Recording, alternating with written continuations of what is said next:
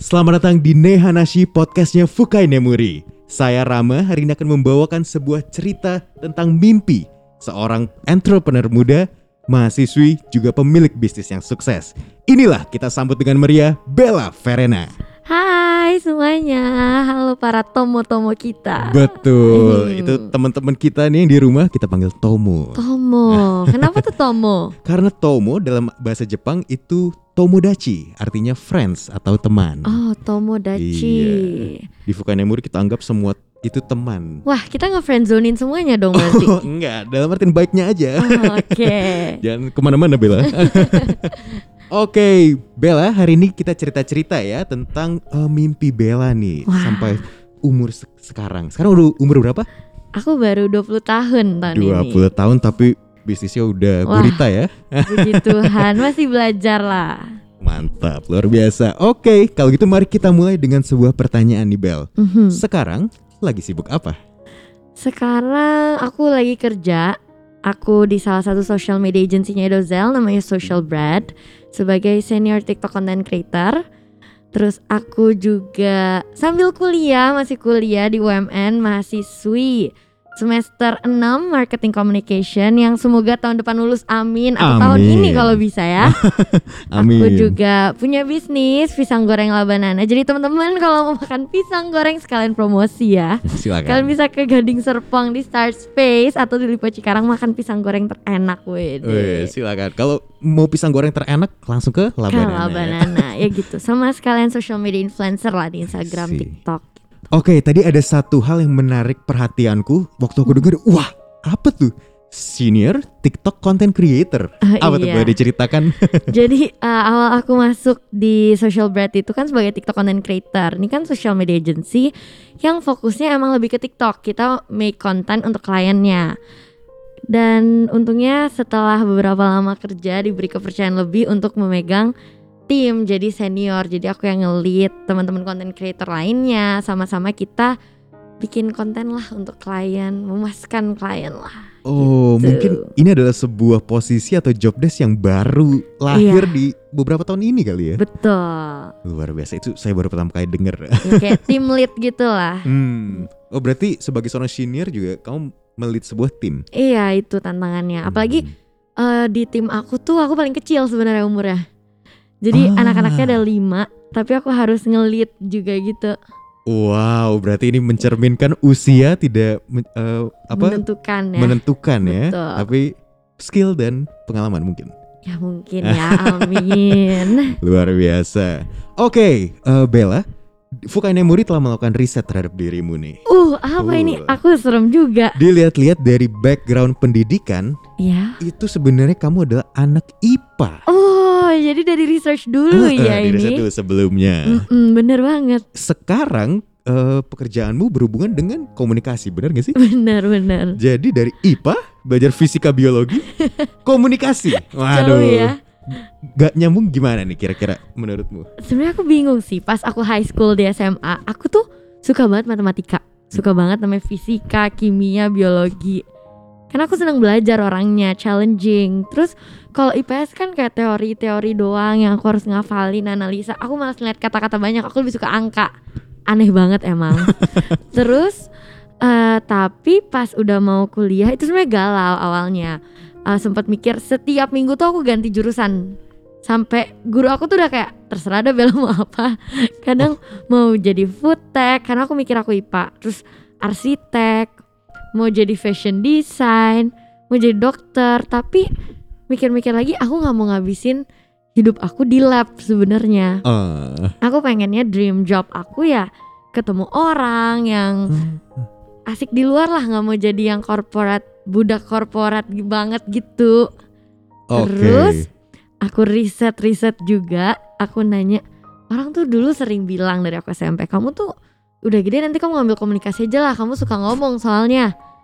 Terus mikirnya tuh sayang kan aku udah IPA kan aku masuknya ke komunikasi. Hmm. Tapi dipikir-pikir daripada mikirin omongan orang sayang-sayangnya, aku ikutin aja passion aku. Emang aku suka ketemu orang baru, suka ngobrol, suka berinteraksi. Ya udah deh. Dan aku juga punya bisnis saat itu, pisang goreng labanana itu dari SMA. Aku awal mulai tuh dari sosial media doang dari Instagram dan bisa jalan se lumayan jalan dari sosial media jadi aku penasaran banget kalau aku masuk marketing apa yang bisa aku lakuin lebih lagi dari Wow. ini gitu jadi di sini lah aku sekarang Oh, luar biasa perjalanannya ya. Dari awalnya suka angka-angka di pelajaran matematika, sekarang ngulik angka-angka di bisnis labanananya ya. nah ngulik cuan aja Wah, kita.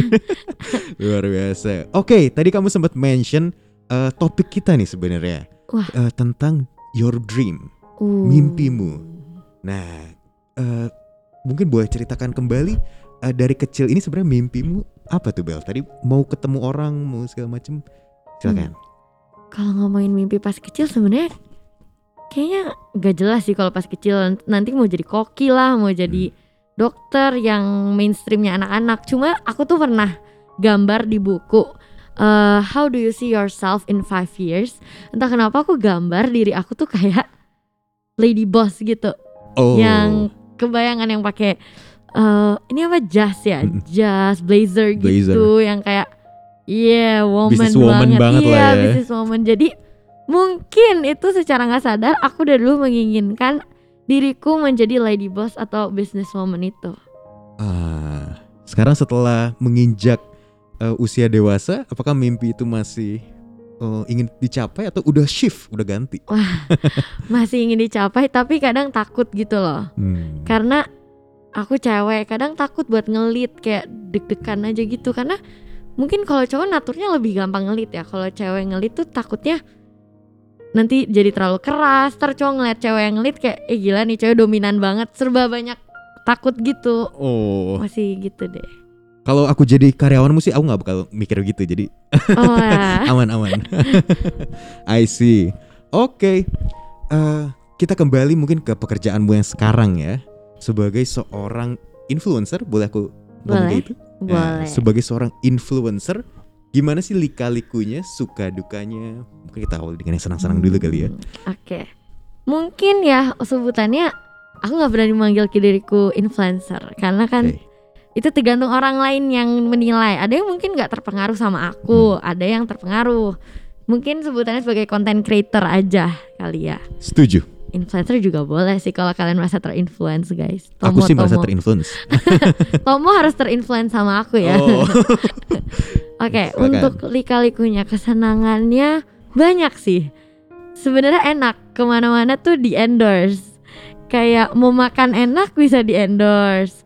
Pengen baju-baju di endorse. Jadi udah ngerasain duluan dari mm, tomo-tomo lain mungkin. Hmm. Kayak ada brand baru nih, ada grand opening apa, nanti kita diundang nyobain. Oh, gua udah pernah duluan. Terus eh, ada banyak privilege-privilege juga yang bisa kita rasain. Terus senengnya lagi relasinya jadi banyak, banyak kenal-kenal. Terus yang paling aku senengnya tuh aku nggak perlu memperkenalkan panjangnya aku tuh siapa, nggak perlu membuktikan diriku siapa lagi gitu karena ya orang-orang bisa ngeliat aja sendiri gitu. Mungkin itu ya senengnya. Oke, tadi eh, kalau misalnya mau ke sini di endorse, ke sana di endorse. Coba definisikan ke Tomo sekalian nih. Di endorse itu maksudnya diapain sih? Endorse itu kalau kita dibayar untuk mempromosikan satu brand. Hmm. Apalagi aku content creatornya yang gerak di makanan kalau di TikTok Hmm. lebih ke kuliner jalan-jalan. Aku suka banget makan. Jadi tuh seringnya endorse-nya store visit nih. Hmm. Ada grand opening restoran apa diundang dibayar, Bang. Bayangin bisa makan enak terus dibayar. Siapa yang nggak mau kan? Jadi senengnya di situ, Hmm. seneng banget. Makan enaknya juga gratis lagi ya. Dan Betul. malah dibayar. Wah. Iya. Siapa loh ke tempat makan dibayar bukan ngebayar. Enak jadinya. Oh itu ya sukanya ya. Iya. Wah luar biasa. Eh, zaman sekarang kerjaannya kayak gitu ya. Oke, mungkin kita masuk ke topik inti kita nih Bel. Uh. Uh, hari ini topik intinya adalah mimpi buruk. Ah. Wow. Karena di Fukai Nemuri kita selalu eh, belajar dan mengulas mimpi orang-orang. Hmm. Kalau berkenan hari ini kita ulas mimpi buruknya Bella jadi influencer, jadi Yes. content creator maaf. Gak apa-apa, dua-duanya oke. Nah kalau tadi Hmm. sudah cerita tentang sukanya, ada nggak sih duka yang dirasakan seorang yang hidupnya, sorry ya menurutku udah enak banget nih apa-apa Hmm. dibayar eh, gratis gitu. Iya. Ada nggak? Mimpi buruknya ya. Iya. Sebenarnya banyak sih, karena kita tuh beban sosialnya yang berat sebenarnya. Kayak kita harus deal with ourselves gitu. Di influencer ini, content creator kan banyak influencer lain.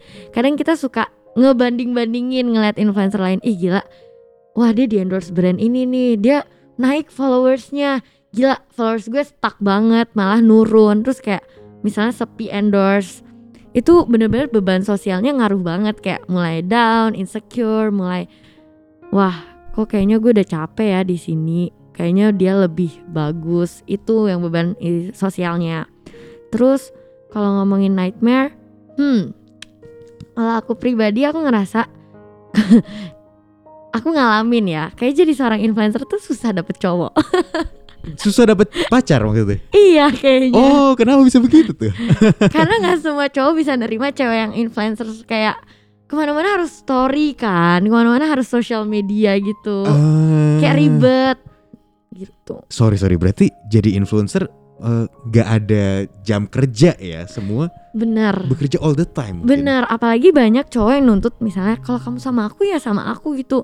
Sedangkan kalau kita main HP setiap saat, nah dikiranya kita main HP, padahal kita Oh, kerja. Padahal bekerja. Bales komen, bales DM itu aja udah kerja hitungannya buat kita. Hmm. Nge story. Pokoknya HP kita adalah kerjaan kita dan gak semua Hmm. orang bisa nerima itu. Ba- bahkan di pertemanan juga gitu kalau nongkrong semua lagi nongkrong lagi ketawa-ketawa, aku ya harus megang HP terus karena harus balesin chat, harus interact sama audience dan di setiap momen aku harus capture gitu yang gak Hmm. enaknya. I see, I see. Hmm, Oke, berarti tadi ada eh, memicu kecemasan juga ya, banget sih itu banget. anxiety, Heeh. eh, insecurity. Iya bahkan aku bisa sempet identity crisis gara-gara Hmm. aku ngebandingin diri aku sama orang lain itu parah jahat banget sih ngebandingin diri itu hal paling tidak boleh lah sebagai influencer. Em, waktu itu juga aku pernah yang aku bilang kan aku sempat udahan dalam satu hubungan gara-gara aku influencer cowoknya nggak bisa nerima itu titik terdown aku yang aku bilang aduh aku juga nggak mau jadi influencer. Kenapa aku harus jadi influencer? Kenapa? Gitu. Emang ada kerjaan lain. Sempat mau deactivate account sosial media aku. Kayak capek energinya terkuras terus gitu. Hmm. Berarti sebagai influencer di balik eh, keba- semua kebaikan itu ya ada juga ya sisi bener pengorbanannya yang harus Iya. dilakukan. apalagi kalau udah ada hate comment Hmm, mungkin Gitu. boleh cerita ada hate comment yang memorable banget nih. mungkin oh sebenarnya sih nggak hate comment kalau aku belum ada yang kayak ngehujat gimana banget cuma pas awal-awal nih aku jadi influencer kan dari nol banget ya dari small itu eh, aku datang dari lingkungan yang influencer tuh masih tabu lah masih kayak apaan sih orang di sosial media ngomong-ngomong gitu narsis banget nah yang pertama aku gak bisa terima tuh ketika temen-temenku oh, SMA yang apaan sih? Alay banget di Instagram. Ah. itu aku sampai takut banget buat balik ke rumah ke kampung halaman aku. Oh. walaupun gak jauh ya pokoknya kayak ke daerah tempat tinggal karena kayak ngerasa beda gitu. Hmm. tapi akhirnya setelah ini namanya semuanya mulai dari nol lah untuk jadi influencer. Jadi aku encourage juga buat Tomo yang mungkin mau jadi influencer semua emang dimulai dari kecil jangan pernah ngomong dengerin omongan orang lain. Buktiin aja diri sendiri terus nanti kalian bakal sampai di titik atas di mana mereka toh jadinya yang butuh kita gitu. Hmm. karena pasti semua akan saling membutuhkan nantinya. Hmm. jadi jangan pernah balas hate comments itu. Sempet bahkan ada yang nge-reply aku "Eh, apaan sih lo alay banget cowok yang gak deket.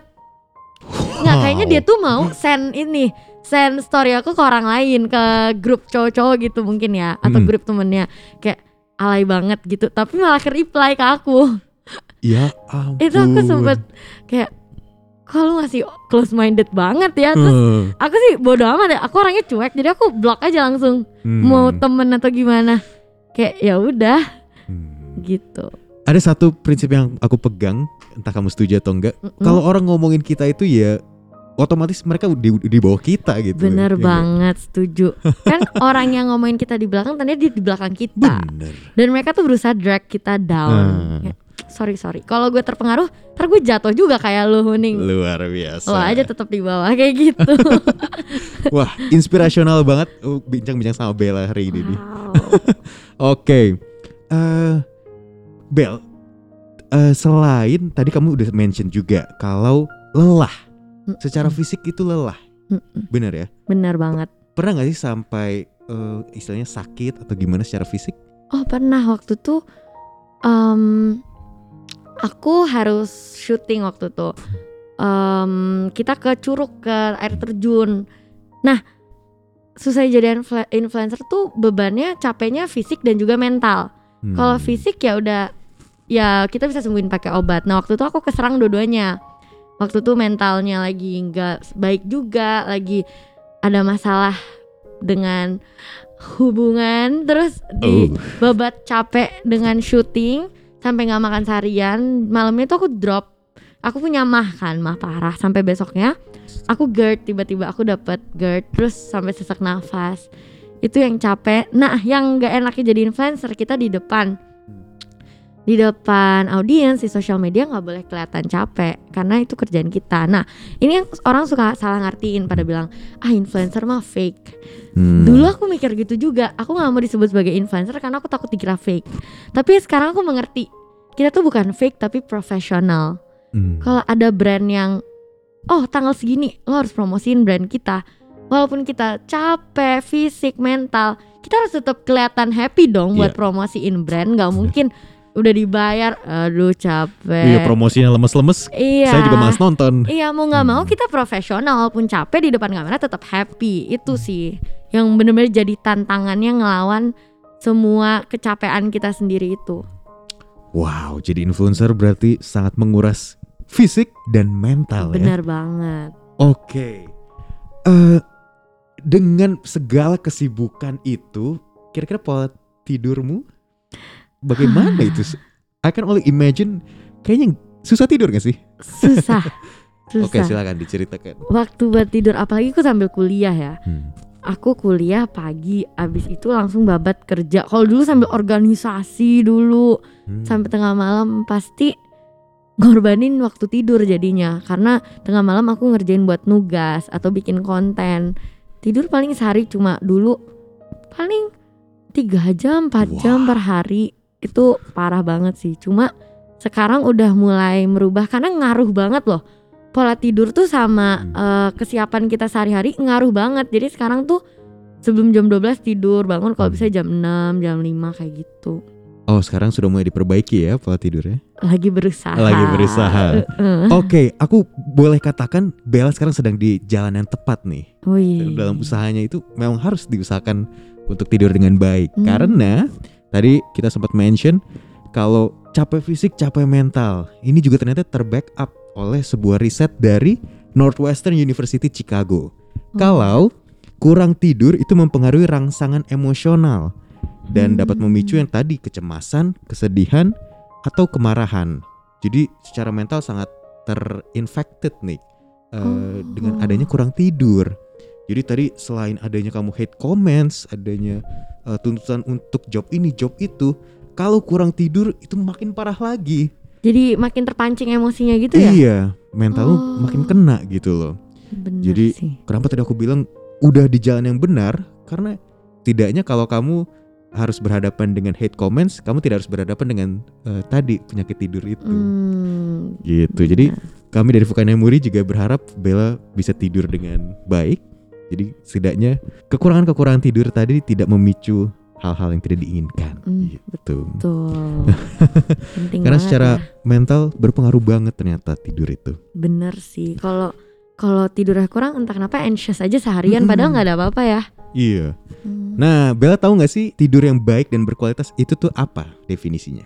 Ih, kalau yang aku tahu ya dari kecil diajarinnya yang tidur 8 jam Hmm. gitu. Nggak tahu tapi kalau yang bener tuh gimana harusnya? Oke, ternyata orang tua kita selama ini benar. Memang niatan Oh. mereka baik ya untuk mendidik kita tidur 8 jam secara konsisten setiap hari itu memang membuat regenerasi sel tubuh meningkat, metabolisme juga terjaga segala macam. Pokoknya semuanya baik-baik. Oh. Nah, untuk menjaga kualitas tidur itu kita harus konsisten Bel intinya. Konsisten dan konstan untuk menjaga kuantitas dan kualitas tidurnya. Jadi Hmm. secara jumlah tidurlah tadi usahakan 8 jam sehari. Hindari hal-hal yang membuat kita jadi nggak tidur gitu loh. Bener sih. Kadang ya kita suka nggak kerasa scroll Mm-mm. TikTok scroll TikTok eh udah berjam-jam sampai pagi Waduh. aku tuh takut ya aku tuh Hmm. bener-bener lagi fokusin tidurnya cukup gara-gara kalau aku tidur kurang tuh kejerawatan Ah. kesel banget kan percuma dong udah pakai skincare mahal-mahal terus Hmm. jerawatan Nah, ternyata yang salah di pola tidurnya bener. gitu Di internalnya itu harus kita Hmm. jaga juga. Selain kita pakai skincare di eksternal. bener sih Tuh. Wah, ini berarti your body tells you what it needs ya. iya itu aku dengerin gak batu Mant, luar biasa. Nah, untuk bisa menjamin tidur yang lebih baik tadi, kami dari Fukai Nemuri punya ya satu caranya nih Bel. uh apa itu ini penting banget kadang susah buat tidur saking Iya. anxiousnya Nah, untuk bisa membantu orang-orang mendapatkan tidur yang lebih baik, kami di Fukai Nemuri itu menciptakan varian-varian produk bantal dan guling yang bisa membantu eh, siapa pun bisa dapat tidur yang lebih nyenyak. Ada rahasianya. Mau tahu apa? apa itu Rahasianya untuk bisa tidur lebih nyenyak dengan Fukai Nemuri uh adalah materialnya yang berbahan bulu angsa. wow Nah, itu Bella dari tadi peluk-peluk empuk oh, nggak ini itu? bulu angsa iya Iya, karena itu adalah salah satu bantal kami Fukai Nemuri. wow dia lebih empuk ya nggak kayak Iya. biasanya Wah, ini kill marketingnya langsung berjalan nih Wah ya. gila langsung keluar nih marketingnya Influencernya keluar Oh, langsung ya, langsung terpicu. Iya Nah, bantal dengan bahan dasar bulu angsa itu memiliki kemampuan untuk eh, mengikuti suhu tubuh. Jadi nggak akan kepanasan, nggak akan terlalu dingin, kita nyaman langsung ti- pengen tidur gitu loh. Kemudian dia juga nggak akan tuh yang namanya bangun-bangun kita sakit leher, sakit Hmm, pundak. Sering banget loh kayak gitu Nah, Itu salah bantalnya berarti itu karena salah bantal yang eh, Yang tanda bantal kutip- lain iya. ya karena bantal itu mungkin terlalu keras atau terlalu lembek, jadi tidak menopang ke leher kita ini. Oh Nah, kalau gitu. bantal dengan bulu angsa itu mampu uh, membentuk sesuai leher kita. Dia adjust ke Betul. kepala orang masing-masing gitu ya Iya. Nah, Hmm. itulah rahasianya kenapa Fukan Emuri bisa membantu Tomo dan nanti Bella ya yes. untuk tidur lebih nyenyak gitu. Ini tuh yang kayak kalau di film-film di gini-giniin pillow fight keluar bulunya semua gitu kan Iya, bisa. Sebenarnya bantal apa pun kalau bocor ya bisa begitu juga sih. Kan biasa tuh bantal kapas nggak sih Kalau Iya. bantal yang ya biasa. konvensional. Heeh. Iya. Kalau bulang keren juga aku pengen belah sih Jangan mahal. Materialnya sayang. Nah, untuk bisa menjamin Bella Mhm. mendapatkan tidur yang lebih nyenyak dengan Fukai Nemuri itu, kami di Fukai Nemuri bersedia untuk Oh no apa ini memberikan sebuah varian produk Asik. Fukai Nemuri. Wah Ini thank you Adalah bantal Fukai Nemuri varian Natural Blue. Wah apa itu bedanya emang Natural Blue ini yang memang best sellernya Mhm. dengan 70% down bulu angsa. Wow Kalau Bella tahu sebuah bulu, bayangkan sebuah bulu ya, Heeh, itu kan ada tangkainya, heeh. ada daunnya kan. Mm-mm. Nah, daun itu adalah daunnya itu. Oh Iya. keren sih Jadi semoga ini bisa bermanfaat dan membantu Bella menghapus mimpi buruknya ah. dan menggapai mimpi indahnya. Ah, Thank you Fukai Nemuri Nah, silakan disimpan Asik bawa pulang untuk menutup eh, bincang-bincang seru kita pada hari ini. Mhm. Mungkin Bella boleh memberikan closing statement kepada Tomo sekalian tentang yang kita bahas hari ini. Oke buat teman-teman Tomo Sebenarnya aku bingung ya closing statementnya apa Cuma aku sama mau bilang Apa pun mimpi kalian jangan pernah takut untuk mencapai Mau setinggi mungkin itu Raih aja berusaha yang terbaik Karena kalau memang jalannya Kalau memang Tuhan udah tentuin Pasti kalian bakal dibawa ke sana dan jangan lupa untuk tidur yang nyenyak yang cukup supaya bisa menggapai mimpi kalian terus menjadi inspirasi buat sesama. Terus keep up the positive vibes. Thank Luar you, Tomo. biasa. Terima kasih banyak Bella untuk waktu dan kesediaannya pada hari ini. Semoga bantalnya bisa berguna Yes. dan kita ketemu lagi di uh, bincang-bincang podcast Fukai Nemuri berikutnya ya. Asik. Tomo, mari kita menggapai mimpi bersama Fukai Nemuri.